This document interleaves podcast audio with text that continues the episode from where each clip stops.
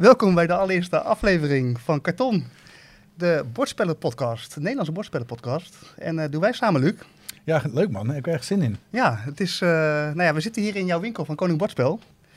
En uh, ik ben dan, nou ja, ik heb mijn eigen YouTube-kanaal, Spellielle.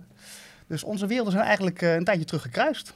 Ja. Weet, jij, weet jij nog het allereerste moment dat je mij zag? op je oranje fietsje op de laan daarover door Amersfoort. Ja, ja. ja. Uh, nou ja, via Instagram hebben we elkaar een beetje uh, zijn we in contact gekomen. En um, nou, eigenlijk heb je me in eerste instantie genegeerd, want mijn vriendin had al gezegd: Hey Jelle, je moet even kijken bij Koning Bordspel. Toen waren we nog alleen de webwinkel. Um, en op een gegeven moment heb ik zelf maar een lijntje uitgegooid van: joh, ga je ons nog volgen of hoe zit dat? Ja. Uh, want we zitten vlakbij. En nou, toen zijn we op een gegeven moment in gesprek geraakt over van alles en nog wat. En onder andere over de winkel. En op dat moment gingen we net de overstap maken naar het winkelcentrum Amy Claire. Um, nou, uh, inmiddels hebben we elkaar al uh, genoeg gesproken over onze passie. Ja. Jij doet mooie dingen. Uh, ik denk dat we met de winkel en gewoon überhaupt met de passie mooie dingen doen. Dus ja, dit was gewoon weer een volgende stap in ons enthousiasme, denk ik. Ja, want wij zitten wel eens over woordspellen te kletsen. En we dachten, eigenlijk is er in Nederland, er zijn natuurlijk wel wat andere podcasts. En ik wil zeker niet die te min doen. Maar ik dacht, er is vast nog wel ruimte voor nog een, een andere woordspellenpodcast in het Nederlands. Met lekker onze eigen stijl. Ja, dus want, want jij, jij, had een uniek idee. Hè? Jij, jij zei van eigenlijk wat wij doen zonder dat er opnameapparatuur bij is, daar is misschien nog wel ruimte voor. Precies, ja. Dus wat, uh, nou eigenlijk gewoon lekker praten over, lullen over bordspellen eigenlijk gewoon. En uh, nee, dat gaan we vandaag dan ook doen in deze allereerste aflevering. Dus sowieso, hè, als je dit hoort en je luistert, uh, zijn we zeker naar deze eerste aflevering benieuwd van, geef ons wat feedback, wat vond je ervan? En nou, hebben jullie interesse in de tweede aflevering? Maar goed, nu gaan we heel hard, want dat is maar eens eventjes dan die, die inhoud induiken. Ja. Want weet jij nog jouw allereerste ervaring, zeg maar jouw eerste liefdesprikkel met bordspellen, dat je dacht van wauw, dit is echt vet. Ja, ja mijn, mijn grote jeugdliefde, en dan geef ik meteen mijn leeftijd ook weer prijs natuurlijk, uh, is HeroQuest.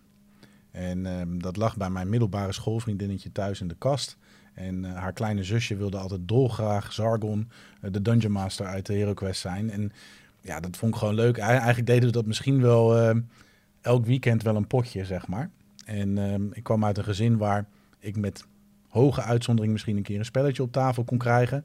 Ehm, terwijl ik wel die behoefte had en die liefde had. dus die is door mijn, mijn middelbare schoolvriendinnetje, bedankt Linda, aangewakkerd. En um, een jaar of twaalf geleden ben ik begonnen met vertalen van bordspellen. Nou, en ik werd gewoon dat gat ingezogen. En uh, toen zijn we Kickstarters uh, met group pledges gaan doen. En uh, toen hebben Ronald en ik bedacht, we willen naar een volgend level. Zijn we de webshop begonnen. En dus nu sinds september de winkel hier in Amersfoort. Ja, want Ronald is dan degene hè, met wie jij dat ook doet. Samen met Ben ook, met ja. z'n drieën. Ja, Mr. Majolo is er zeker sinds we hier zitten een groot onderdeel van. maar ja, het is het geesteskindje van, van Ronald en mij. En ja, daar zijn we toch nog heel trots op steeds. Ja, Hey, en hoe was het dan? Hè? Want jij zegt van uh, bij mij werd vroeger niet echt spelletjes gespeeld thuis. Hè? Was niet echt een ding. Maar ineens besloot jij dus met een soort van, uh, volgens mij, als ik die doos goed voor me zie, uh, half naakt met een onderbroekje aan en een groot zwaard door een dungeon heen te redden, rennen. Hoe, hoe werd dat thuis ontvangen dat jij met die hobby bezig was? Mijn ouders waren al lang blij dat zij niet hoefden mee te spelen. Oké. ja. Dus wij, hadden, weet je, we hadden de standaard dingen in de kast die in de jaren 80, 90 bij iedereen lagen. Dus een Monopoly, een Scrabble, een Rummy Cup. Ehm, een shoelbak, om ook nog maar even iets te spelen te noemen. Uh, maar daar hield het wel een beetje bij op. Hmm. Dus de spelletjes deed ik met mijn oma. Daar heel veel kaarten en dat soort dingen. Beide oma's trouwens. En uh, die gingen daar wel in mee. En uh, mijn moeder vond het af en toe wel leuk. En mijn vader heel af en toe. Um, maar ja, hmm. ik wilde altijd. En dat wilde niet iedereen. Nee, dus daar moest je medespelers voor vinden. En nou, daar had je dus Linda in gevonden. Ja, zeker. Ja, gaaf. Nee, bij mij was het dus in mijn studententijd in Utrecht was dat. Ik woonde toen in een studentenhuis met z'n vijven. En uh, dat was eigenlijk waar dan hè, het bekende Catan lag. Dus ik werd steenvast ingemaakt. En ik vond het eigenlijk best achteraf is nog best wel een hoge drempel hoor, dat Catan. De, de anderen hadden dat al veel vaker gespeeld, dus je werd gewoon constant van, van het bord afgeveegd.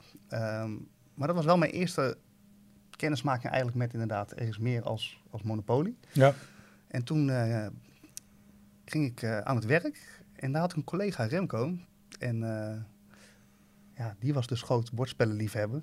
En toen kwam ik een keer bij hem thuis en toen zag ik zo'n hele kast. Eigenlijk wat je hier in de winkel ziet, maar dan gewoon in iemands huis. Ja. Toen dacht je echt van, wow, dit is echt vet. Ja, en uh, Ja, dat is voor mij wel... eh, toen heeft hij, hebben we een keer King of Tokyo gespeeld. Nou, en toen eh, is eigenlijk het hek van het ander geraakt. Nou, ik, ik moet heel eerlijk, ik moet nog één iemand anders noemen als het gaat om het aanwakkeren van de bordspelliefde. Eh, dat is de vriend die eh, mij en Ronald ook aan elkaar geïntroduceerd heeft. Dat is Onno. Eh, woont ook in Amersfoort, hier vlakbij. En eh, Onno heb ik weer leren kennen via een andere vriend. En daar speelden we spelletjes als Doom mee. Ook zo'n one versus many. Hmm. Ehm, en, en ja, ik ben bevriend geraakt met Onno en daardoor zoveel spelletjes leren kennen. Daardoor ook in het vertalen gerold. Dus ja, die is ook nog wel een sleutelfiguur, zeg maar, in eh, wat ik nu doe. Ja, maar zo zie je dus in beide verhalen dat het best wel vaak met spellen is. Dat je dus mensen in je omgeving krijgt die je erbij halen eigenlijk, zeg maar. Hè? Dus dat het, eh, het is niet zo dat je naar een reclame kijkt en denkt van... hé, hey, eh, het is Sinterklaastijd, ik word omver gegooid met bordspellen, laat ik eens kijken. Maar vaak heb je mensen die zeggen van, hé, hey, doe eens een potje mee. Of, en dat je dan zo langzamerhand die wereld in wordt getrokken. Ik, merk dat ook heel erg dat ehm, bordspellen zijn overweldigend. Als jij, kijk, eh, een potje Quicks of iets dergelijks kan iedereen leren. En dat, dat zijn ook de dingen die, die heel veel mensen kennen. Eh 999 als uitgever is ook vaak een, een ijsbreker voor mensen, omdat ze daar een soort herkenbaarheid hebben. Maar als je een spel als, nou, ik noem maar wat, Endless Winter, een of andere, nog een recentere titel, pakt, als je daar het boekje van opent en denkt, moet ik hier mezelf doorheen worstelen om dit te leren spelen?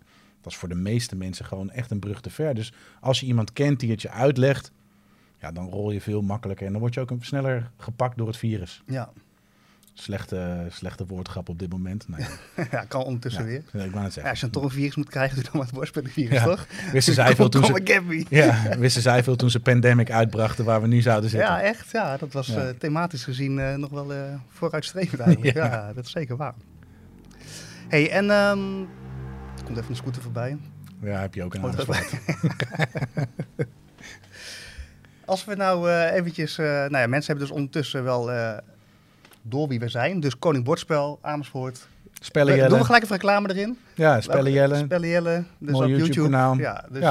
eh, nou, als je ons nog niet kent, ga er even heen. Zo is dat ook weer geweest.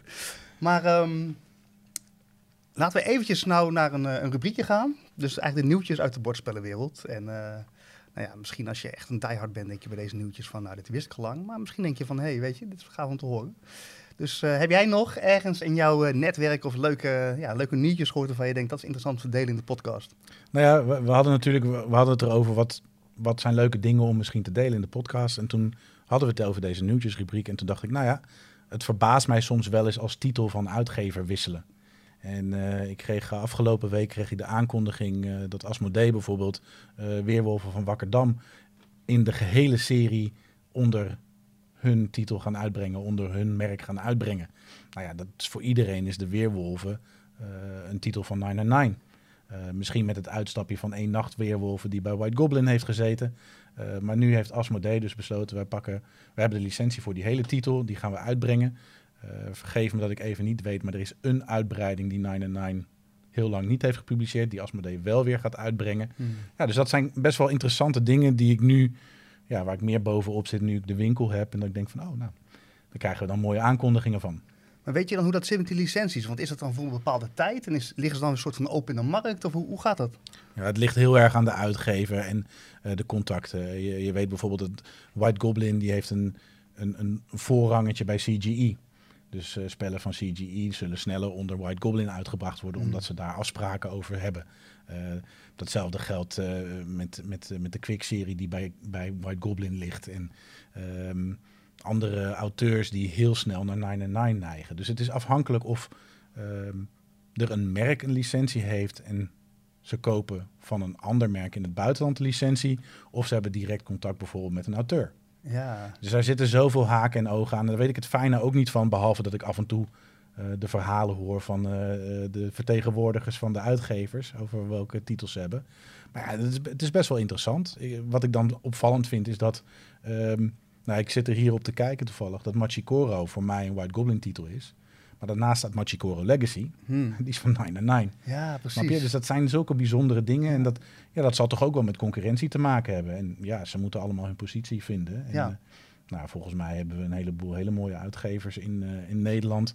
Die eh, allemaal goed bestaansrecht hebben in de winkel. Maar dus ook onderling af en toe een soort van speel met elkaar aan spelen zei van... hé, hey, eh, wacht eens even, eh, dat, daar ligt een titel. als ik nou even een jaartje wacht, dan... Nou ja, zo, zo, zo lijkt het af en toe wel. ja. Ja. En ja, ik denk dat er best wel titels zullen zijn die een White Goblin aangeboden gekregen heeft en die uiteindelijk door een 99 uitgebracht zijn of vice versa. Hmm. Even de twee grootste uitgevers daar genoemd. Ehm, ja, daar zullen ze af en toe best van balen. Ja, Vooral achteraf. ja, ja. En je ziet dat het succes is geworden bijvoorbeeld, dat je dan denkt van, ah, ja. Ja, dat is jammer. En, en wat ik in de afgelopen jaren, is niet echt een nieuwtje natuurlijk, zeker niet voor de doorgewinterde bordspelers, maar ehm, je ziet wel dat 99 minder experts gaan uitbrengen in de afgelopen jaren. En zich meer op de familiespelers en de kennerspelen misschien Mhm. maximaal richt.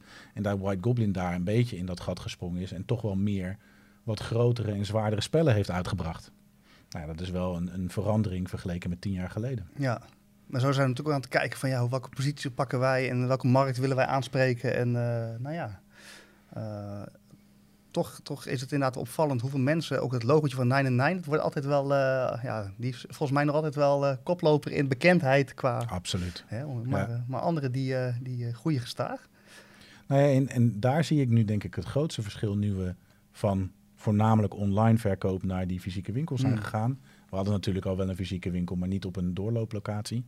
Ehm, is dat het gros van de mensen dat binnenkomt, komt niet voor de Hero Quest A100 nog wat euro of eh, een Ark Nova. Het gros van de mensen wat binnenkomt, komt Mm. voor de herkenbaarheid, het lekker makkelijk speelbaar, inderdaad niet zelf een heel dik regelboek door te hoeven. Eh, of ze komen voor een spel wat iemand anders een keer geleerd heeft en dat willen ze ook hebben. Ja. Behalve dan ik af en toe die er wel eventjes de Sleeping God en zo kan ophalen. Ja, die is hard gegaan, zeg hé. Dat die is populair ook, ja. dat, die is al helemaal uitverkocht. ja. Dat is echt eh, wat Martin Loy gedaan heeft. Dat is echt wel, eh, ja, dat is echt wel, echt wel verrassend. Ehm, dus een tweede print gaat er hoe dan ook komen. Dat, Ja. eh, daar is geen twijfel over mogelijk. Maar ja, met de huidige distributie zal die nog even op zich laten wachten. Ja. Nou ja, en ik heb dan nog, wat ik van de week zag, is dat, eh, ik weet niet, kijk jij veel op internet of niet? Als jij, ben jij, gebruik je internet veel om, om kennis op te doen over bordspellen? Zeker, ja. Want Ja. een van de meest gerenommeerde websites is natuurlijk Board Game Geek. Als je daar nog nooit van gehoord hebt, eh, ga er zeker een keer heen, want dat is wel een beetje hè, wereldwijd de website, hè, de forums waar eigenlijk alles, al het nieuws wel te vinden is. Maar die bestond dus 20 januari, 23 jaar. Dus in het jaar 2000 zijn ze gestart. En ik vind het altijd wel leuk om dat even gewoon tot me door te laten dringen van... eh, dat ze dus toen gewoon waarschijnlijk gedacht hebben... we moeten even een platformpje bouwen waarin we met elkaar kunnen communiceren over bordspellen. Maar dat het nou zo groot is geworden dat het echt gewoon echt een ja, bedrijf eigenlijk is geworden. Absoluut. En als je ziet hoe groot en hoe dat echt dagelijks gewoon loopt... ja, is gewoon wel echt vet om die, om die, ja, die groei eigenlijk te zien als het ware. Ja, wat zij hebben neergezet, waarschijnlijk, weet ik niet. Hè? Maar het voelt alsof er een aantal bordspellenliefhebbers inderdaad eh, als studenten iets hebben gestart. Eh, we kunnen een beetje HTML schrijven, we gaan eh, anno 2000 iets bouwen. Ehm, ja, is gewoon toonaangevend. Eh, het feit dat een Ark Nova, eh, jij vindt het een tof spel in ieder geval al, maar Ja. dat die, die zo achtelijk hard die lijst bestormt, zorgt voor een hype. Ja. Dus er- heel veel mensen kijken er wel naar. Ja, want je hebt daar inderdaad ook zo'n, eh, de hottest list is dan, hè? Dus inderdaad... De waar- hotness. Ja, waar, waar dan de meeste, of gepraat wordt, in ieder geval de meeste nou, positiviteit naartoe gaat. En dan kan je altijd wel een beetje zien van welke spellen liggen inderdaad goed in de markt eh, en, en ja, welke zijn interessant. Nou, vind je terecht dat Gloomhaven al zo lang op nummer 1 staat? Dit vind ik een hele interessante vraag. Want Gloomhaven, ik heb daar... eh, Kun je solo spelen? Nou ja, ik heb dus Jaws of the Lion. En die heb ik eh, samen met Chara, mijn vriendin, een keer twee missies gespeeld. Ik heb hem solo opgestart, heb ik drie missies gespeeld. Maar ergens voel ik bij dat spel dat je die gewoon eigenlijk met z'n vieren, dat je soort, soort van moet gaan afspreken. Oké, we zijn met z'n vieren en we gaan gewoon dit spel doorlopen of zo. Dus ik, ik- De hele film, het hele avontuur.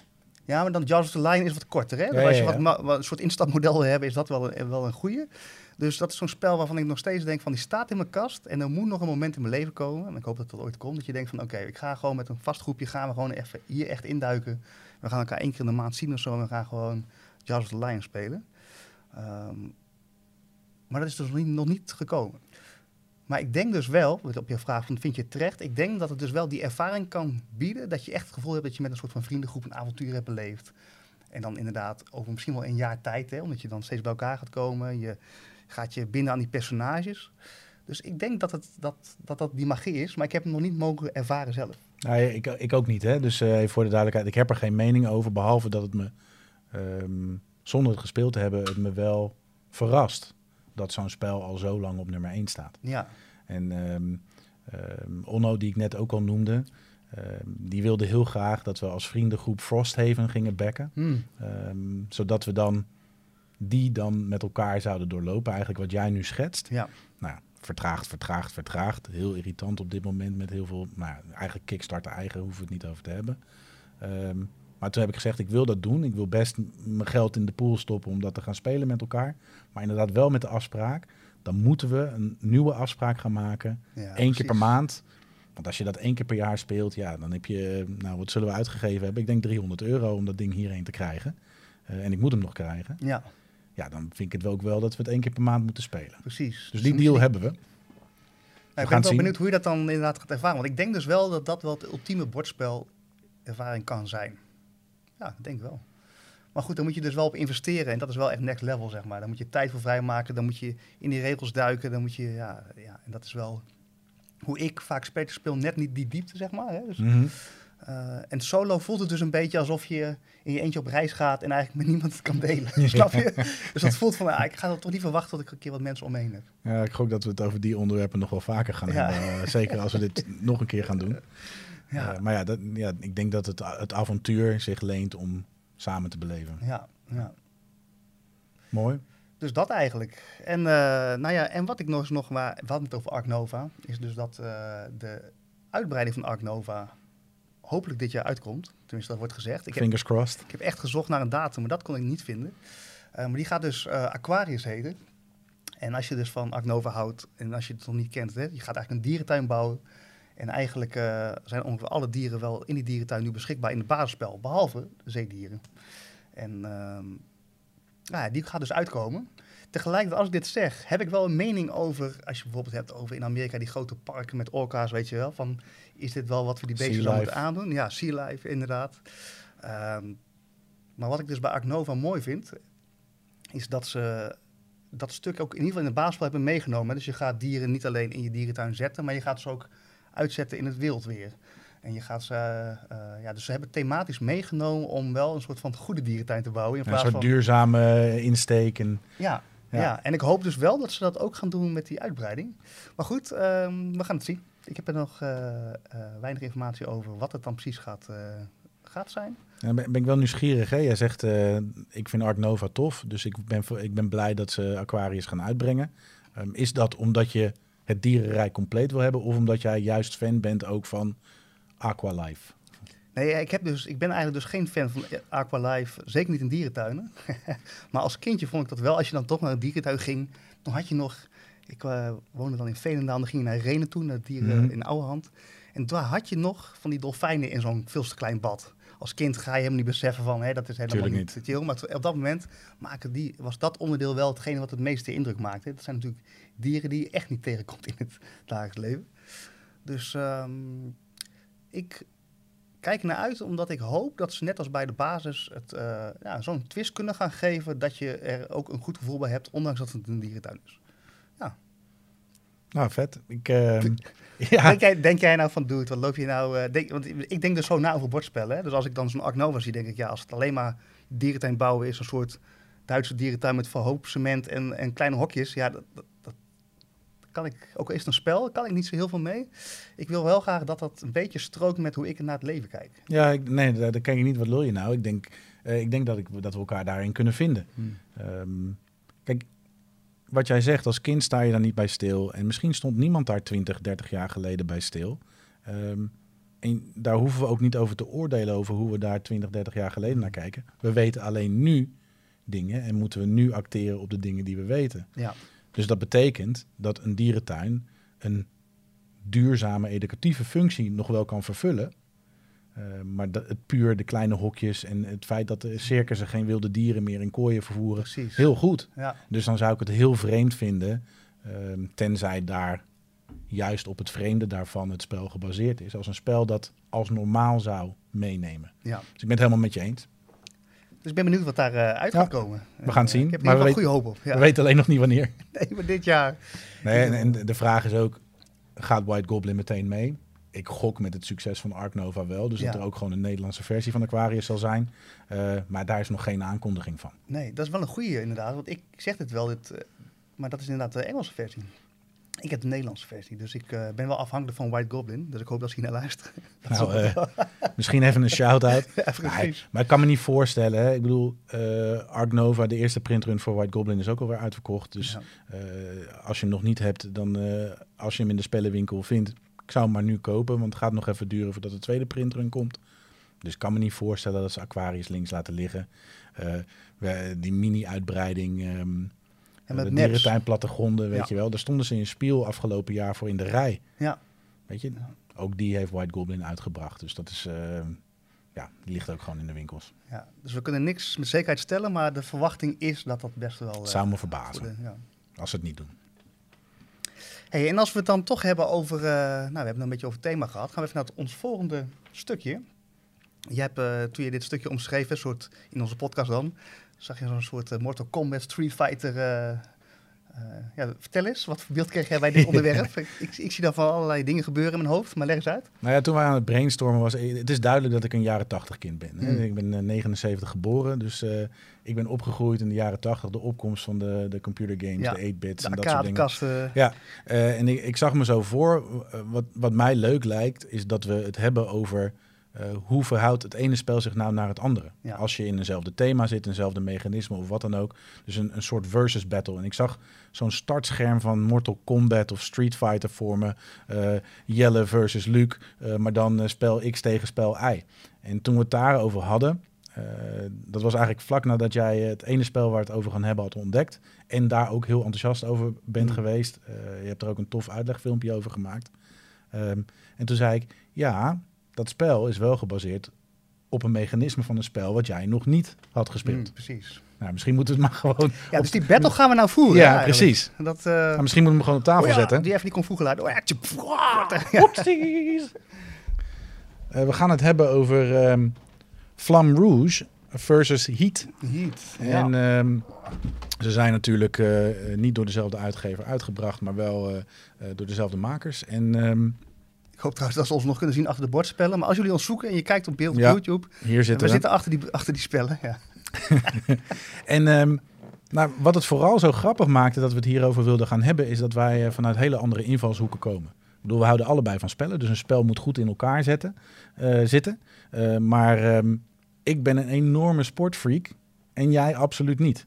Nee, je weet niet En- alles van mij. hè? Nee, in ieder geval het racen. Ja. Vond jij, je was geen fan van het racen, want we zijn aan de praat geraakt over heat. Eh, en racen had je verder niks mee. Klopt. En eh, toen dacht ik, ja, voor mij is het altijd wel belangrijk dat zo'n spel klopt met. Of het een, een beetje speelt zoals de sport ook zou moeten gaan. Ja. En toen gingen we het hebben over, nou ja, hoe zit Flam Rouge dan in elkaar? Hoe zit Heat in elkaar?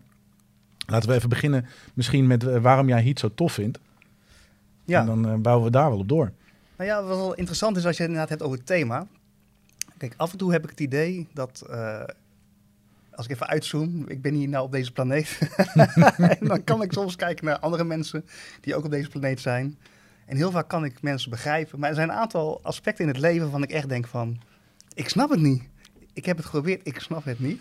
En dat zijn dus eigenlijk, nou, twee dingen kan ik daarbij noemen. Dat zijn mensen die naar tv kijken, die kijken naar mensen die in een Formule 1 auto zitten. en die met fietsen achter elkaar aanrijden en daar ook de uren naar kijken. En ik probeer, eh, nou ja, daar wel de, de schoonheid van in te zien. Maar ik begrijp het niet. Dus als je het inderdaad hebt over het thema alleen al, hè, dus een, een thema over het wielrennen, hè, Rouge of de Formule 1, eh, Heat, dan eh, zijn, zouden dit inderdaad geen spellen zijn die ik zou uitkiezen in verband met het thema. Eh, maar misschien dus voordat we in dat spel duiken, kun jij eens uitleggen wat jij... Ja, misschien kun jij mij die schoonheid uitleggen. Misschien, he- ik zie het Van nog sport niet. kijken. Nou ja, en dan met name deze twee sporten. Dus mensen die langere tijd achter elkaar aan aan het rennen zijn. of, schi- of fietsen of rijden. Ja. Ja. Het grappige is, het zijn gevaarlijke dingen om uit te leggen, omdat ze moeilijk te vangen zijn. Eh, ik weet wel dat eh, mijn vriendin, die vindt het eh, soms enorm irritant eh, als ik eh, een beetje lui lekkerend op de bank eh, een etappe van de Tour de France zat te kijken. Want ze werd al gillend gek van dat helikoptergeluid de hele tijd, wat ze alleen maar irritant vond in de oren. En datzelfde had ze met Formule 1 kijken. Dat, dat komt er een nieuwe gezing van die, dat, van die auto's, dat, daar werd ze gewoon gek van. Dat vond ze Ja. vervelend. Ik kan je vertellen, afgelopen seizoen is ze gewoon om zes uur 's ochtends opgestaan om samen met mij en een vriend de Formule 1 van Japan te kijken. Ja, maar dit is, het is een schoonheid. het vangt Dus is, hè, maar, wat, maar wat is dat? Nou, ja, ik- nou, laten we beginnen met, met eh, Formule 1. die heeft bij mij een achtergrond. Eh, toen ik 16 was, opende Coronel een kartbaan in de buurt. Eh, ik was 16, ik ging daar werken. dus ik ben een beetje gevangen door de Coronelbroers. die toen allebei nog volle bak veel in de, in de toko stonden. Nu Tim en Tom, toch? Tim dat, en dat Tom. weet ik dan weer wel. Als, Nou ja, en Tom deed het supergoed in Japan. En ik werd gewoon meegenomen in die hele racerij. Het karten, het achter elkaar aanzitten. En ehm, wat dat betreft hebben Formule 1 en wielrennen wel wat met elkaar gemeen. Het is namelijk de hele kleine details die het verschil maken. Dus het is met Formule 1 bijvoorbeeld die coureur die heel lang moet wachten tot hij zijn kans kan grijpen om juist in die ene bocht genoeg energie te sparen, genoeg het risico neemt om de ander uit te remmen, om dan er toch voorbij te kunnen. En dat het is bijna een schaakspel soms. En dat is in het wielrennen misschien nog wel veel meer omdat er teams bij komen kijken. Maar een schaakspel over wie weet op het juiste moment de push te slaan. hmm. En wat er dan bij Formule 1 nog bij komt, en daar kunnen we het misschien zo meteen ook nog over hebben als we hier wat, eh, er wat induiken, ehm, is dat daarnaast, tuurlijk, de auto, de motor zijn ontzettend belangrijk in deze sport. Dus het is niet alleen de sportman die het doet, maar ook het materiaal. Echt cruciaal. Dat zou ik geen enkele racer ontkennen. Maar toch zie je de grootheden opstaan die het verschil maken. En die dus naast een andere goede coureur in hetzelfde materiaal toch beter weten te zijn. Hmm. Jij en ik gaan ook niet dezelfde rondetijden rijden als we in die auto trappen. En dat, dat is gewoon het mooie. En die crew die in die pitstraat dan alles binnen no time weet te vervangen. Banden, nou ja, tegenwoordig zijn het eh, niet zoveel dingen meer dan banden en neuzen en kleine reparaties. Vroeger was er natuurlijk het tanken er ook nog bij. En weet ik voor allemaal wat ze tijdens de, de race ook nog mochten doen qua settings. Ehm, maar ja, dat spel, dat schaakspel en die spanning van gaat het wel lukken, gaat het niet lukken. Ja, dat, dat pakt mij. Ja. Maar ja, dat is inderdaad die Misschien is dat dus ook een stukje verdieping. En eh, als ik jou nu zo hoor praten, dan zit er dus een hele laag in, inderdaad. Die ik als leek niet zie. Als je gewoon naar zo'n scherm kijkt, is iets achter elkaar aan. Maar inderdaad, dan wat er allemaal bij komt kijken. En misschien wel als een soort leeuw wachten tot het eindelijk een keer een prooi voorbij komt. Om dan in één keer aan te vallen. Ja, dat is wel een. eh, Ja, kijk, vind jij het wel interessant om een 100 meter sprint te kijken?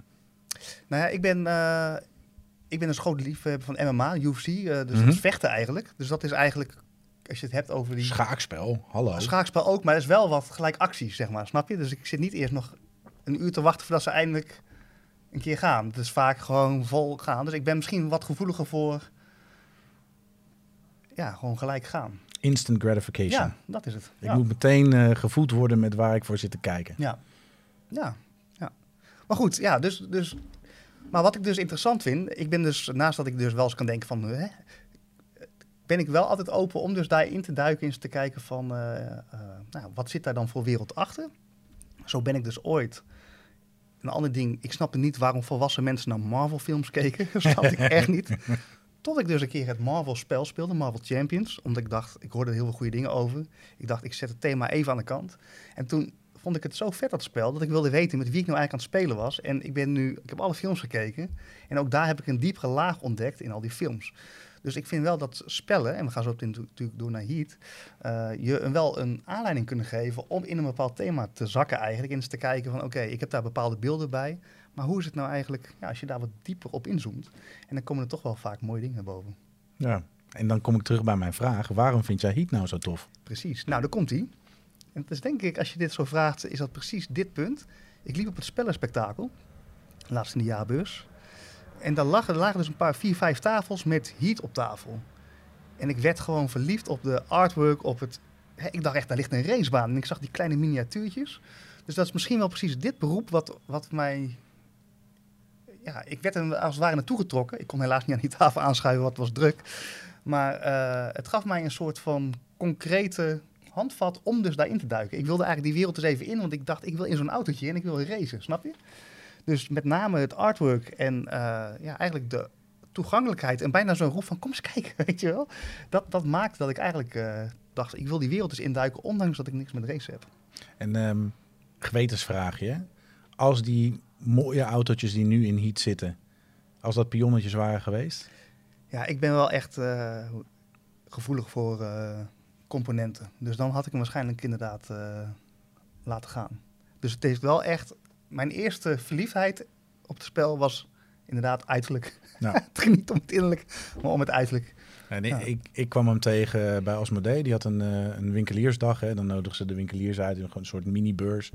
eh, waarbij ze nieuwe titels, maar er staan ook een aantal uitgevers uit het buitenland. Want Asmodee namelijk voornamelijk als distributeur werkt. En dan daarnaast zijn eigen titels. En daar lag ook Heat.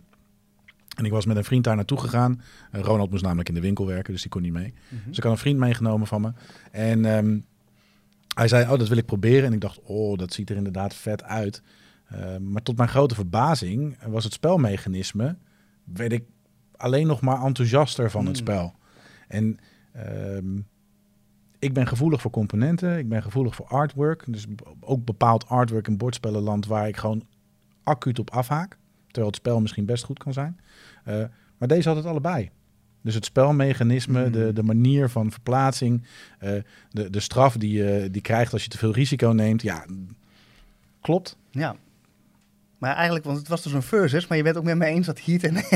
Nee, die verses, daar zijn we nog niet over uit. Kijk, ehm, het zijn allebei ontzettend goede spellen. Hmm. Kijk, we hebben nog weinig over Flam Rouge gehad. Misschien moeten we dat ook even doen. Maar ehm wil niet automatisch zeggen dat Heat voor mij automatisch wint. Hmm. Want als we Flam Rouge, ik, ik heb jou Flam Rouge meegegeven om uit te proberen. Ja. Ehm, omdat, nou ja, we hadden het daarover. Ik zeg, ja, je moet hem in ieder geval gespeeld hebben, anders kunnen we geen fatsoenlijk gesprek eh, voeren. Dus dat heb je gedaan. Mhm. Met Charda gedaan of niet? Nee, Ik heb eh two-handed eh, solo gespeeld. Two-handed. Two-handed solo. En, en snap je waarom wielrennen tof is om te kijken? Of ben je daar nog niet aan toe? Nou, wat ik wel moet toegeven is, en dan met name dit slipstream gedeelte, dat je wel... het heeft mij in contact gebracht met het pelotongevoel. Dus En je hebt de peloton-uitbreiding nog niet eens gebruikt. nee, maar er kunnen dus verschillende groepjes ontstaan. En degene die voorop hè, je eh, rijdt, die krijgt de wind tegen. Dus is eigenlijk nee, hè, dan, dan wordt het wat pittiger, net als in het echt. En dat is dus precies wel wat ik waardeer in deze spellen, is dat je voelt als het ware echt die wind zo in je gezicht slaan. En je denkt, ja, ik rij hier nu op kop, maar dit ga ik nooit lang volhouden zo. Snap je? Dus inderdaad, het, het brengt je wel een beetje bijna met je bek naar het asfalt, zeg maar. Dat. En dat doet zowel Flamme Rouge, maar dat doet ook Heat inderdaad. Die, die, die pakken dat thema en die zuigen daar eigenlijk naartoe. En dat vind ik wel echt, eh, ja, dat vind ik echt wel super gedaan. En dat had ik bij Flamme Rouge, omdat het best wel, ja, mensen die nu kijken, die zien die voorkant van die doos, dat is wat meer, bijna karikatuurachtig of zo. Alsof ze zichzelf niet zo helemaal serieus nemen. Tenminste, zo komt het op mij over. Het kan ook een beetje die oude stijl zijn. Ja, voor, voor mij heeft het juist een hele klassieke wielrenstijl. Oh, jij, ja. jij noemt het een karikatuur. ik, ik, ik voel me verbonden met eh, de wielrenners uit de jaren 50. Ja, oh ja. Ja, dat is misschien mijn kennis die niet toereikend is. Ja, dat zou heel, goed- nou ja, ja, dat zou heel goed kunnen. Maar, maar goed, eh, het, het zoog je er toch in. Dus je werd toch two-handedly wel een beetje enthousiast. Zeker, ja. ja. Het, inderdaad, hè, dus je ziet dat die mechanismen ook op elkaar lijken. Eh, er zitten ook zeker ook verschillen in. Maar wat inderdaad beide spellen doen... en ik vind het dus als liefhebber van bordspellen fijn om een race-spel in mijn collectie te hebben. Hè, want er zijn niet alledaagse... er, er zijn er niet tien of twintig van, zeg maar. Het is gaaf om dat te hebben. En beide geven je wel die ervaring van die sport.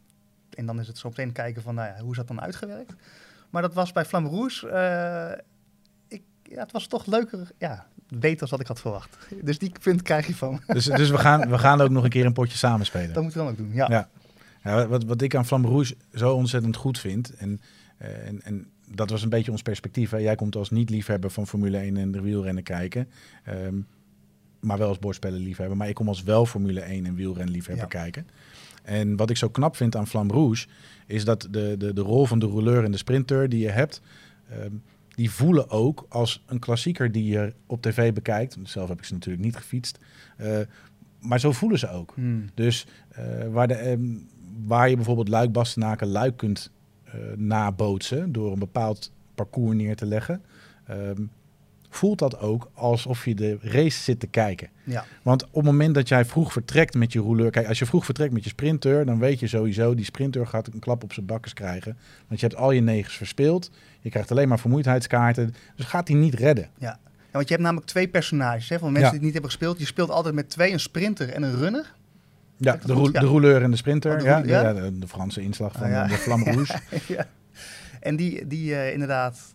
Dus je speelt eigenlijk met twee poppetjes inderdaad. En eh, je hebt een dek kaarten. En wat je speelt... Je hebt een bepaalde waarde op stapjes zetten, die ben je ook kwijt. Dat gaat bij Heat anders zijn.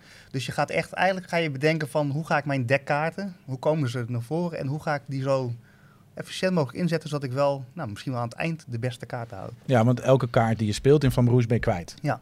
Dus en, en dat is inderdaad een van de grote verschillen. Ja. Maar dat is juist wat Flamme Rouge zo dicht bij de werkelijkheid van het wielrennen legt voor mij. Want wat ik zeg, als je een, een sprinter die heeft hele langzame kaart en hele snelle kaart, dus lage waarde, hoge waarde.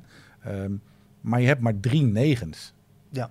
Eh, en, en de rouleur, de, de runner, hoe je hem wil noemen, eh, die heeft drie zevens. Maar die heeft eh, in plaats van drieën alleen maar vieren, vijf, zes en zevens. Dus die kan die race op een andere manier indelen.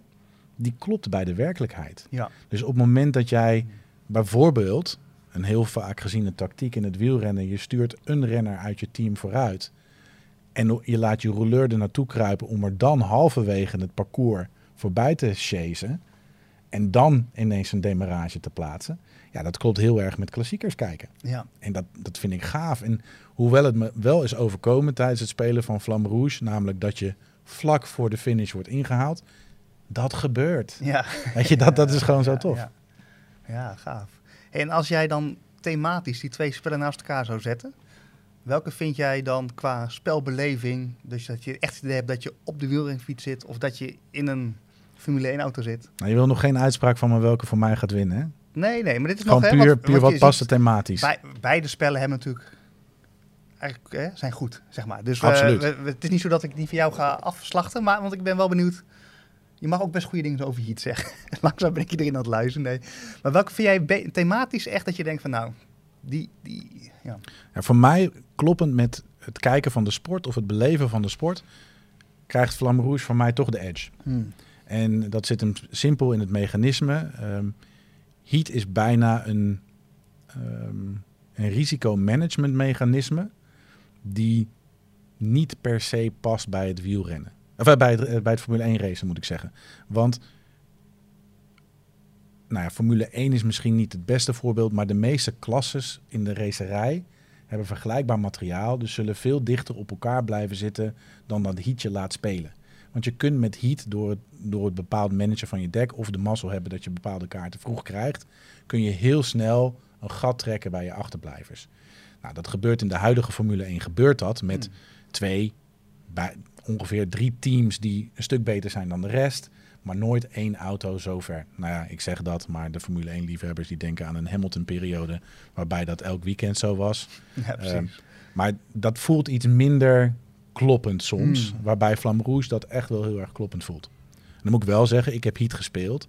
Maar ik heb nog nooit een championship mode gespeeld. Daar ben ik wel heel nieuwsgierig naar wat dat nog gaat brengen. ja, precies. Ja, dat je echt die eh, verschillende kampioenschappen gaat rijden en eh, ook je auto kan tunen en zo. Ja. ja dat is waar. Dus daar, daar, daar kan ik het vandaag niet over hebben of dat een meerwaarde is. Dat soort dingen heb je in Flamme Rouge natuurlijk helemaal niet. Eh, wat nog wel Flamme Rouge heeft, zijn twee hele mooie uitbreidingen die het spel echt wel heel tof maken. En dat is eh, de Meteo-uitbreiding, een hele kleine uitbreiding die weers invloeden op het circuit gaat plaatsen.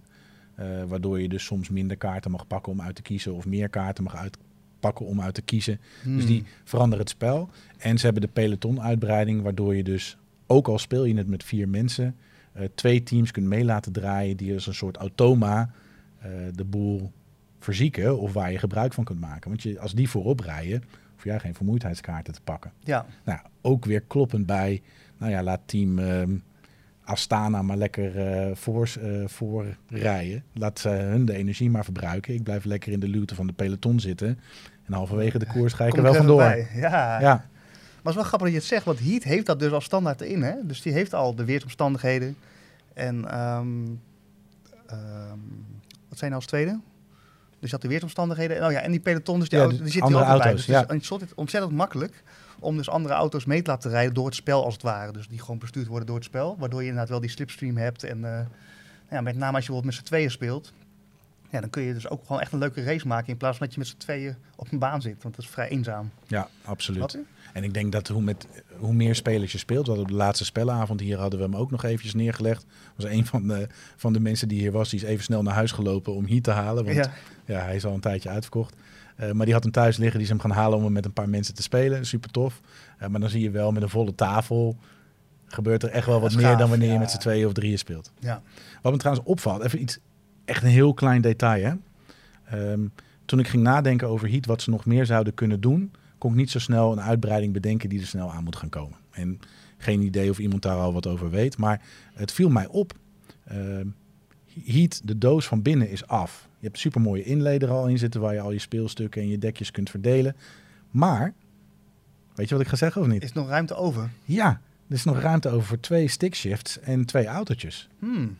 En dat verbaasde me en dat kan puur een pragmatisch iets zijn geweest. Uh, dat ze in de fabriek zeiden, ja, het is makkelijker om dit mee te punchen of mee te, Ja, te precies. vormen dan Ja. dat we daar weer iets omhoog moeten laten komen. Of er zou dus toch nog ruimte moeten kunnen zijn voor iets extra's. Ja. Misschien wel twee wielrenfietsen, ze onze podcast horen. Nou, misschien moeten we gewoon mengen. Ja. dat er iemand in zijn fietsje achteraan hobbelt. Oh, heerlijk. Oké, maar thematisch kunnen we dus zeggen dat ze eigenlijk... eh, nee, jij geeft eigenlijk aan, Vlam Rouge brengt je nog iets dichter bij de werkelijkheid eigenlijk... van een ervaring van een wielerwedstrijd als Heat. Ja, dus de, Ja. de wielrenliefhebber, denk ik dat hij zich gezien voelt in Flam Rouge. En eh, ook voor misschien de niet-bordspellenliever die gewoon echt heel erg fan van is van het fietsen. Die zou dit spel gewoon een keertje voor zijn neus moeten krijgen, want ik denk dat ze er enthousiast van Ja, precies. En ik weet niet of je dat weet, maar er zit ook een hele simpele app die je kunt downloaden voor Flam Rouge, waardoor je dus ook een championship mode kunt gaan spelen. Ja. En dan zeg je, we gaan gewoon vijf etappes spelen. En we spelen een hele middag vijf etappes van Flam Rouge. En Ah. die houdt dan de tijdsverschillen bij van etappe X en Y. En aan het einde heb je dus een gele truidrager die, eh, die de Tour wint. Ja, en mag je ook echt zelf even met een gele trui door de wijk lopen. Gele, gele sokken. als, je, jou de volgende keer hier door de wijk zie met een gele trui, dan weet ik dat je, dat je Vlam Rouge hebt gespeeld en gewonnen Ja. Ja. nou ja, ik wil ook nog wel even trouwens een klein beetje... We, we gingen het over sportspellen hebben. Eh, voor de mensen die het wel op YouTube bekijken. Het is natuurlijk bijna Super Bowl eh, Sunday. Hè? Dus ik heb eh, een aantal logos van de NFL eh, op mijn trui staan. Jelle denkt nu, waar heeft hij het over? Ja, die, die, Maar, dan gaan eh, ze toch altijd zingen en zo. Dat wordt toch altijd wereldwijd goed bekeken in de pauze. nou, dat geeft onze verschillende insteken. alweer. Ik, ik sta dus stevast elk jaar gewoon om eh, drie uur s'nachts op en dan ga ik de Super Bowl Echt kijken. ja? Ja, maar Ja. dat is ook weer... Maar goed, nou, dan dwalen we af. Maar dat is ook zo'n sport waarvan ik weet van dat is echt... Daar moet volgens mij ook weer een hele mooie laag in zitten. Maar een gemiddelde kijker denkt, wat zijn ze aan het doen? Ja, maar weet je, en dat is niet helemaal eerlijk. Ik ben natuurlijk een half Amerikaan. Ik heb een groot gedeelte van mijn leven daar gewoond. En de Amerikaanse sporten, ja, daar ben ik mee opgegroeid. Precies, ja. Dus Dus, dat- eh, En eh, voetbal, American football, ehm, ja, dat is, het is gewoon iets wat, wat in Nederland ook met de Admirals in de jaren negentig gewoon niet helemaal gedaan heeft wat het had kunnen doen. En dat heeft iets te maken met toch een stukje cultuur. Eh, waar Amerikanen denken, waarom ga je in godesnaam naar een voetbalwedstrijd kijken en aan het einde is het 0-1. Wat, eh, wat hebben we nou helemaal gezien? ja. Snappen Nederlanders, Europeanen niet helemaal wat, wat voetbal te brengen heeft. Die actie, omdat ze alleen het principe van het naar voren, de downs en zo al niet begrijpen. Maar Nee. goed, nou, dat is een andere podcast. Dat is een eh, sportpodcast, die gaan we zeker niet doen. Is, er, is er een spel met eh American voetbal, een bordspel, die dicht bij de realiteit komt? Oeh. Nee, ik zou, nou, als eh, iemand die luistert het weet, dan hoor ik het graag. Ja. Want zou ik wel geïnteresseerd zijn. Ja. Ik denk dat er wel fantasy voetbalachtige bordspellen zijn. Dus dat je een team moet draften, zoals ook met honkbal bepaalde eh, spellen zijn. Maar ik kan er geen bedenken die, eh, die dat zo Nee. doet. Nee. Nou, even terug naar het wielrennen en het Formule 1. Ja, laten we eens hebben over de, de, de spelmechanismes. Hè? Dus hoe speelt het? Is het leuk om te spelen, maar ook hoe, hoe werkt het, zeg maar? Heb je daar ideeën over qua verschillen en overeenkomsten? Ja, nou eentje hebben we al benoemd. Hè? Dat is namelijk het dek waarmee je speelt. Bij Heat ververst die. Dus eh, je aflegstapel gaat op een gegeven moment weer geschud worden. Ja. Kun je maar aan de gang. Eh, bij Flamme Rouge, de kaart die je kiest, gaat uit het spel. Ja, Er is ook geen, geen joker of een bonus die je kunt verzinnen om een kaart weer terug te pakken. Dat soort mechanismes hebben ze gewoon lekker erbuiten gelaten. Het is heel simpel. Iedereen weet van elkaar welke spellen je heeft. Dus op het moment dat jij goed kunt onthouden wat andere spelers spelen, heb je bij Flamme Rouge een voordeel om het spel te kunnen winnen. Want je weet, oké, eh, mijn tegenstander heeft nog zeker twee negens op zak. Die heeft hij nog niet gebruikt. Ja, en ik ben zo iemand die dat probeert te onthouden van zijn ja tegenspelers. precies. Ja, daar, daar zit een voordeel als je dat soort dingen goed kunt onthouden. Maar tegelijkertijd maakt het echt, dit is de energie die je hebt voor de wedstrijd en die moet je managen. Hmm. En bij Heat is dat natuurlijk anders. Je neemt het risico met eh, de Heat-kaarten. Ja. Eh, dus op het moment dat jij een keer te hard de bocht doorgaat... of eh, je moet harder remmen dan je van plan was... of nou, noem al die dingen maar op... dan krijg je Heat-kaarten die door je dek heen gaat. Dat zijn eigenlijk je, ja, je snoepcentjes om het niet helemaal goed te doen. Daar zit dus ook een limiet aan. Ja, je hebt er zes. Ja, dus- zes is het op. En Ja. dan eh, spin je Ja, uit de en, bocht. en, jij- en diegene die standaard in je dek zit natuurlijk. Ja. En als je dan de volgende keer heatkaarten moet pakken, dan ja, dan eh, spin je inderdaad uit de bocht en dan word je teruggeplaatst voor Ja. de bocht. Ehm, en er is maar één manier om van die heatkaarten af te komen en dat is terugschakelen. Juist, moet in ja, één of z'n twee zitten Ja. en Dat dan vind ik kun wel je echt vet kaart gedaan, afleggen. dat je echt even letterlijk even gas terug moet nemen. En Ja. eh, in een, in een eh, eerste of tweede versnelling, waardoor je ze weer terug kan plaatsen in je stapeltje inderdaad. Ja, dat vind ik dus wel vet van Heat, dat je dus inderdaad toch een soort van ja, je dek aan het... nou ja, je- het is niet zo, je kan natuurlijk wel op een gegeven moment kaarten toevoegen aan je dek, hè? dus als je dat zou willen. Dus je hebt, eh, anders als bij Flamme Rouge, eh, dat je gewoon een stapeltje kaarten hebt. Maar hiermee kan je dus wel echt gewoon je auto samenstellen. Dus misschien wel met bepaalde banden gaan rijden, waardoor je harder door een bocht kan als gemiddeld. Of, Wat, wat thematisch ook weer klopt, hè? Precies, dus je kan daar nog wel aan, aan tunen. Maar ja, ik vind het dus wel fijn dat het terugkomt. En dat je dus denkt, oh, ik had, ik had nu misschien een slechte hand, maar hij kan zo meteen weer goed worden. Ehm, ja, dus ik ervaar wel dat het gevoel van, ik ben ze niet kwijt, ze komen weer terug, vind ik wel echt een vette uh, toevoeging. Vind ik beter als bij Flamme Rouge, dat je het kwijt bent. Maar goed, ik kan me voorstellen dat dat eh, thematisch misschien ook, want je, je hebt het over een mensenkracht en autokracht. Ja. Toch? Ja, nee, absoluut. Dat, nou ja, daar heb ik nog niet eens over nagedacht. Maar daar kan inderdaad ook wel het verschil in zitten dat die, die motor, die kan zijn kracht natuurlijk wel behouden. Ja. Dus dat is niet een kwestie van verspillen en klaar. Nee. Uh, wat, wat ik, maar misschien is dat toevallig net de ervaring die ik dan heb. Maar uh, de frustratie van net de kaart niet pakken die je nodig hebt bij Heat, voel ik sterker dan bij Flamme Rouge. Omdat je, uh, als je een, een, een nou, je bent aan het toewerken naar een bocht. Dus je, je kan, dat hebben ze heel mooi gedaan op het bord, hè, dat aftellen tot de bocht. Dus je weet precies hoeveel stappen je tot de bocht nodig hebt. Er staat op de kaart hoe hard je door de bocht heen mag. Dus je kunt hem allemaal uitdenken. En dan weet je, oké, okay, ik schakel op. Ik zit inmiddels in zijn vierde versnelling en ik moet een lang recht stuk op. En ik wil volledig tot aan die bocht. En vervolgens pak je allemaal lage kaarten. Ja, ja schiet mij maar lek hoor. dan, dan moet ik huilen. Ja, dat vind ik zo frustrerend. Ik, ik heb het altijd bij mijn vrienden over het Calimero-effect. Als iemand heel erg gaat piepen dat uh, alles tegen zit. Ronald kan dat heel erg goed doen trouwens. Uh, maar dat, dat voel ik dan. Maar dan ga je waarschijnlijk als een soort oud omaatje door die bocht heen. Want dat is dan natuurlijk ook jouw speelstijl. Want als jij gewoon in z'n vier door die bocht gaat, op een of andere manier, en uh, het komt goed uit, dan kan je vier kaarten pakken. Ja. Dan, kan je dus, dan is de kans dat jij een slechte hand hebt niet zo groot. Maar als jij denkt van, oh, ik vind het spannend. ik schakel even naar z'n één of z'n twee. Dan mag ik ook maar één of twee kaarten spelen. Ja, dan wordt het ook oh, wel... Jij bedoelt hoe ik de bocht aanvlieg. Dat ik, ik keihard naar die bocht rij en dan terugschakel om er... Misschien ga je dus voorzichtig. Ah, dat is interessant.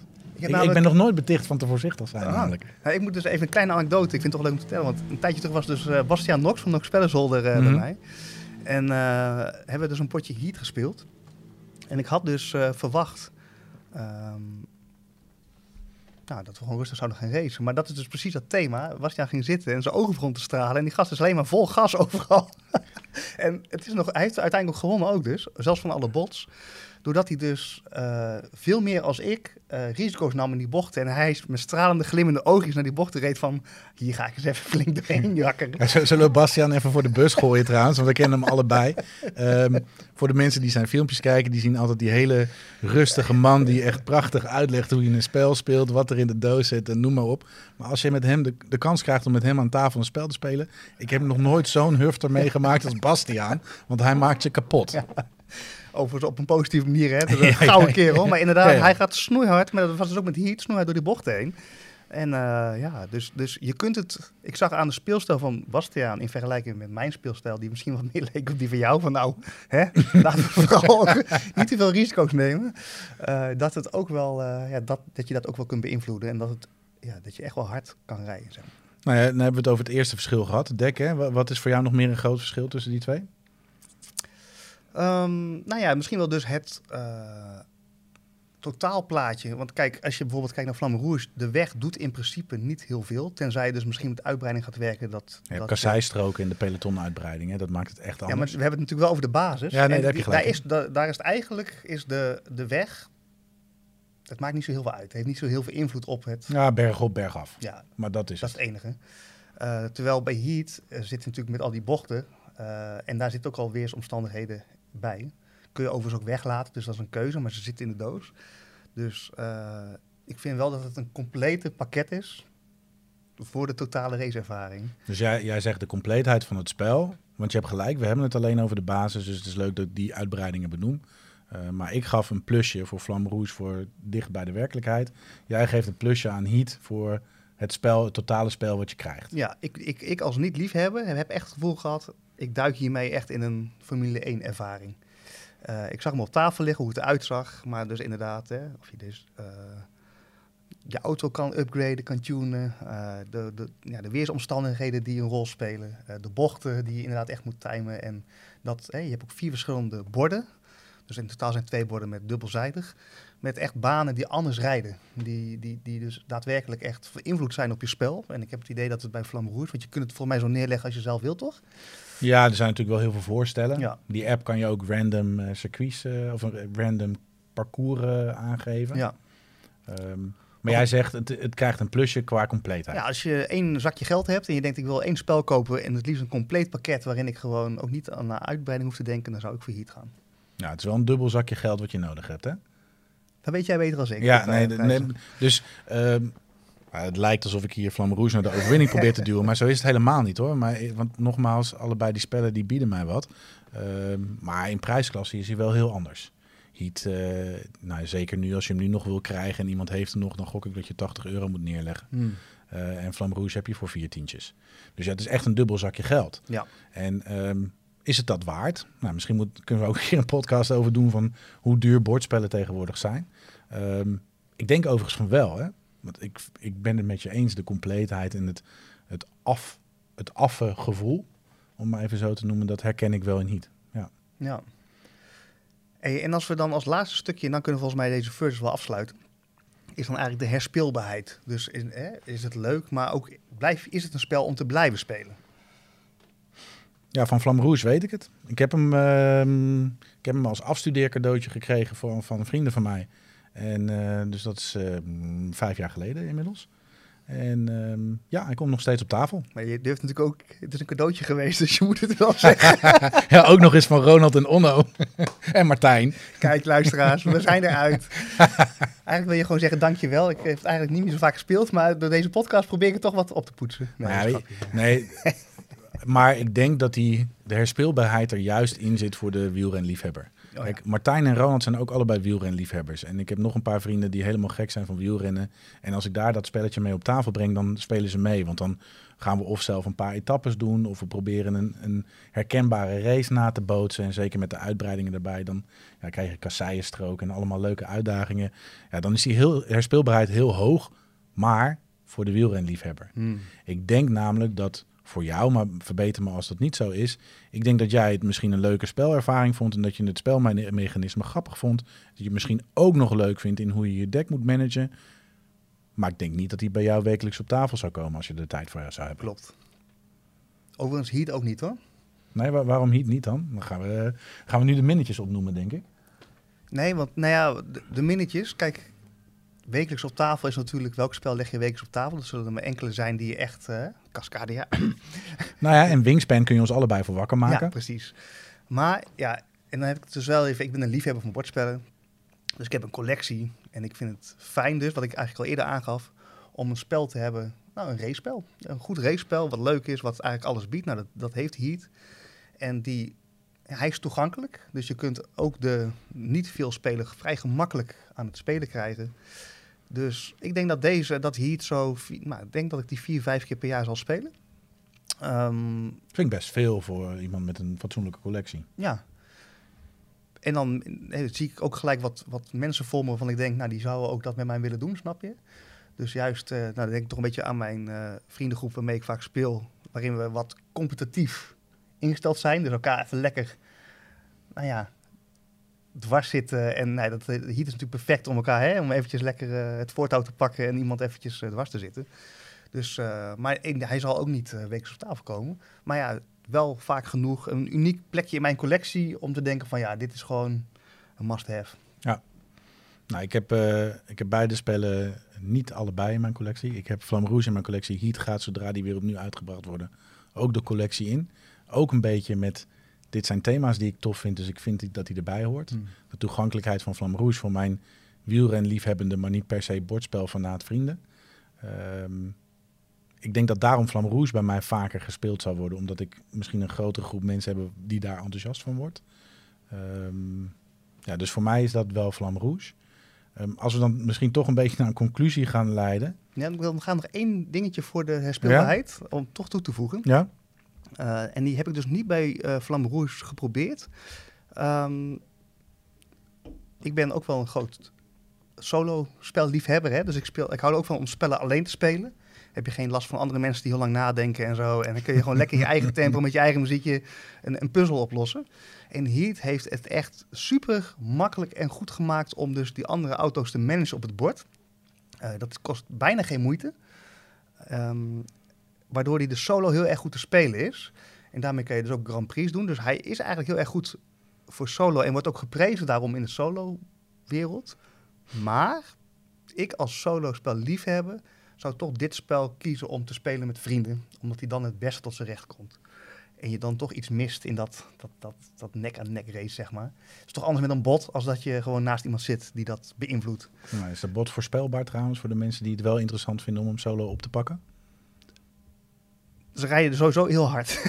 Oh, ja, je moet okay. flink je best doen. Oh, ja, dus uh, nee, je kunt er niet... Nee, er zijn wel heel veel... Uh, ja, het is zo simpel als je draait een kaartje om... en er staat op hoeveel stapjes die mag zetten.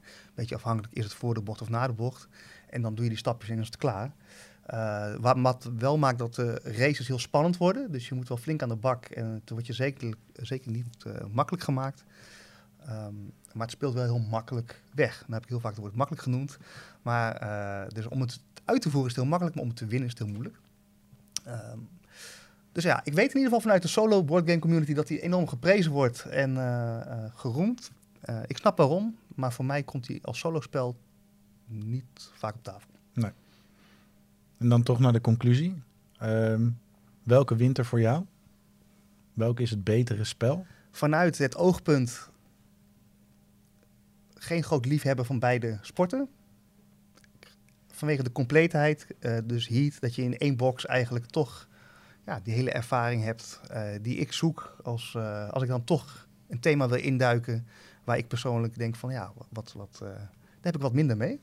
En dan heb ik gewoon één doos, er zit alles in, zijn mooie, vette ervaringen. En ja, dan komt toch het Heat voor mij bovenaan. Ja. En voor jou? Nou, vanuit het perspectief welke past het beste bij de werkelijkheid van de sportervaring, kan ik niet anders concluderen dat in deze matchup, vanuit dat perspectief, Flamberouge wint. En um, ja, wat ik al eerder heb gezegd, het nat gaan omdat je te vroeg vertrekt of het in de luw te blijven zitten, dat is zo wat wielrennen interessant maakt. En dat doet mm. dit spel ook. Dus moet ik toch de edge aan Flamberouge geven.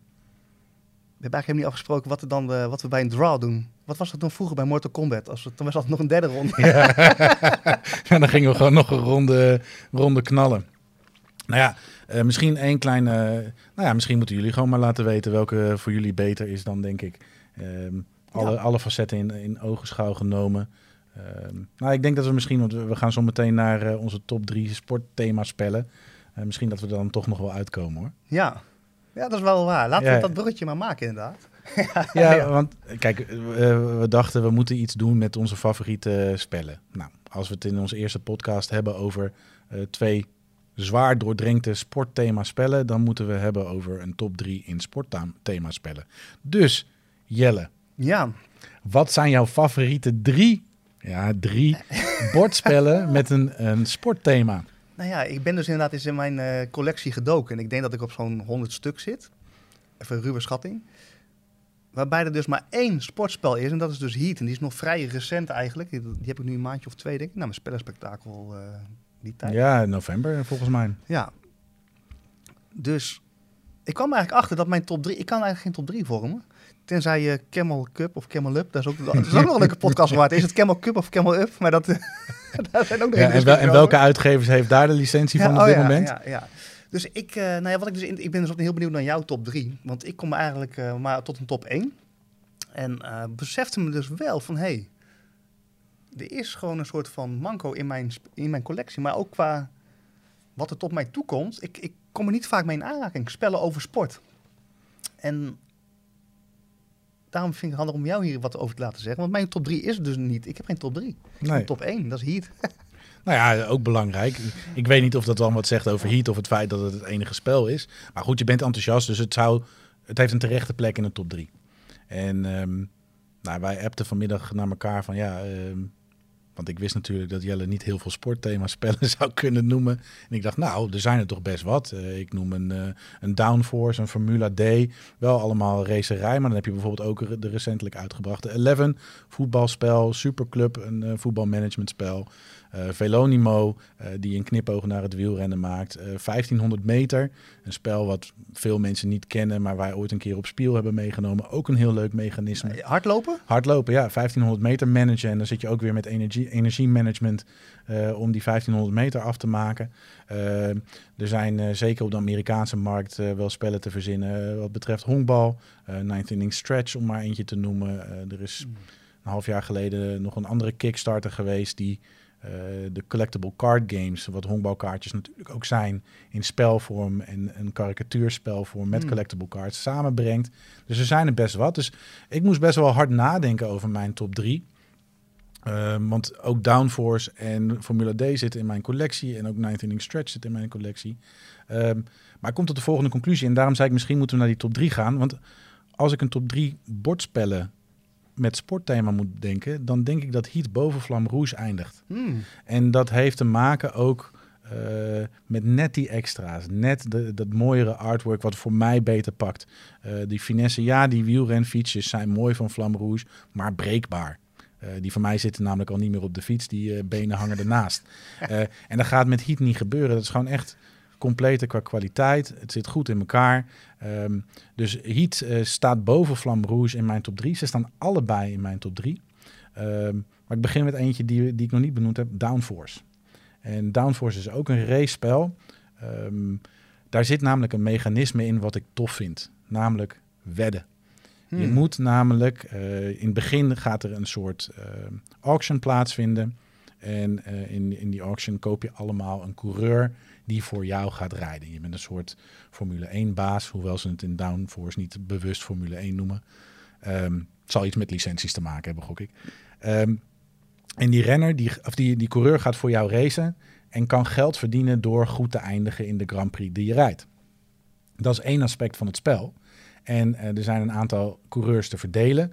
Uh, elke speler van het spel moet minstens één coureur voor hem hebben rijden. Maar kan, het kan ook maar zo zijn dat één teambaas meerdere coureurs heeft en de andere maar één. Dus die heeft meer kans om geld te verdienen. Maar daarom zit er een ander mechanisme in. Er zit namelijk een uh, op de banen die je hebt. Uh, een, een gele streep, zou ik maar even zeggen. En zodra de eerste coureur over de eerste streep heen gaat, vult iedereen stiekem op zijn blaadje in wie die denkt dat ze gaan winnen. Hmm. Dus je zet ook nog eens geld in op de overwinnaar. Dus ik kan ervoor zorgen dat ik mijn coureurs laat winnen en daarmee geld verdien met de racerij. Of ik pak stiekem een ander mechanisme en zonder dat je door hebt laat ik jouw coureur de race winnen, omdat ik daar al mijn geld op ingezet heb en dan dus mijn geld verdien met het wedden. Uh, dus die completeert mijn top 3, uh, waarbij ik uh, Downforce op nummer 3 zet, omdat hij de werkelijkheid van de sport mist.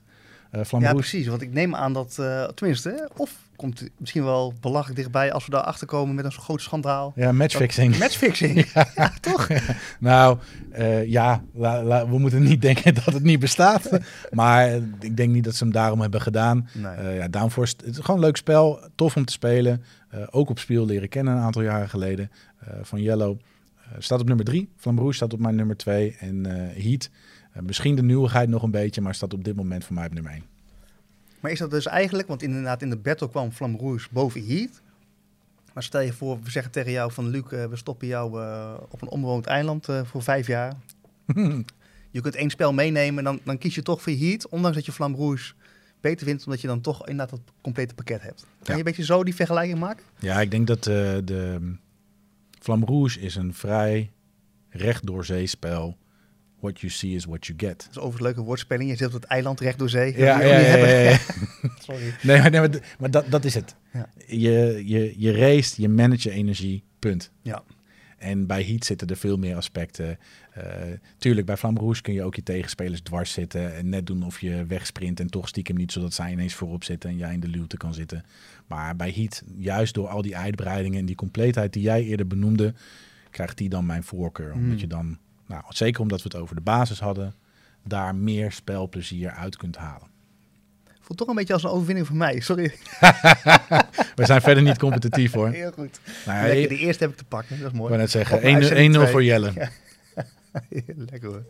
Maar beide gewoon goede spellen. En eh nou, mooie top 3. En inderdaad, ehm, wel opvallend dat het dus veel race games zijn. N- niet alleen jouw top 3, maar als we dan een spel voor sport maken, is het toch vaak eh, energie verdelen, schakelen, bochten. Hè? Dat is toch misschien wel wat zich goed leent om in een bordspel te stoppen. Terwijl een, bijvoorbeeld een box, een bo- hè, we hebben het over MMA of zo, ja, dan wordt het vrij lastig om dat in een game te verpakken.